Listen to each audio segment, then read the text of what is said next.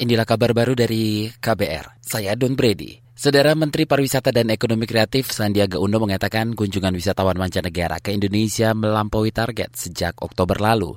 Sandiaga menyebut kunjungan Wisman pada Oktober lalu mencapai 3,92 juta kunjungan. Angka ini melampaui target yang ditetapkan sebesar 3,6 juta kunjungan.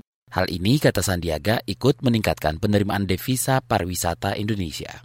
Hingga triwulan ketiga 2022, devisa pariwisata telah mencapai 4,26 miliar, 10 kali lipat dari capaian tahun lalu. Dan kalau dibandingkan 1,7 miliar target batas atas, ini sudah melewati tiga kali lipat lebih uh, dari target yang dicanangkan di awal tahun.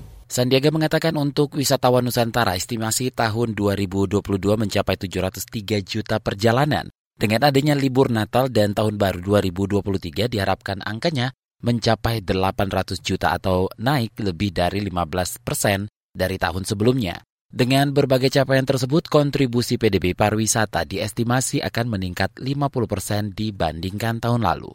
Kenaikan harga beberapa komoditas pangan di minggu keempat Desember memacu bertambahnya jumlah kabupaten atau kota yang berpotensi mengalami inflasi. Deputi Bidang Statistik Distribusi BPS Setianto mengatakan, sebanyak 395 dari 512 kabupaten atau kota di Indonesia mengalami inflasi di minggu keempat Desember. Jumlah itu mencapai 77 persen dari jumlah kabupaten atau kota di tanah air.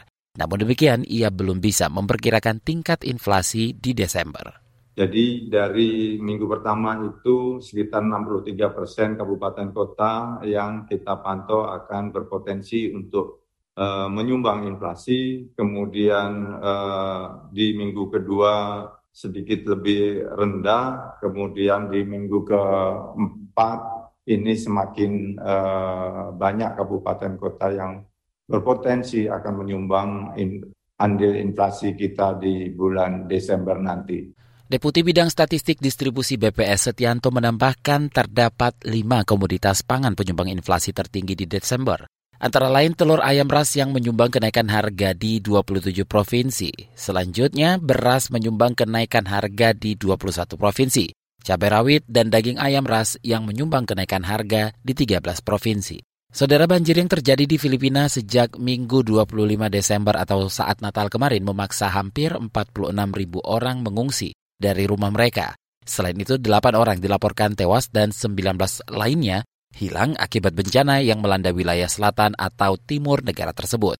Melansir AFP, penjaga pantai setempat mengatakan telah menyelamatkan dua lusin keluarga di kota selatan Ozamis dan kota terdekat puncak banjir Klarin.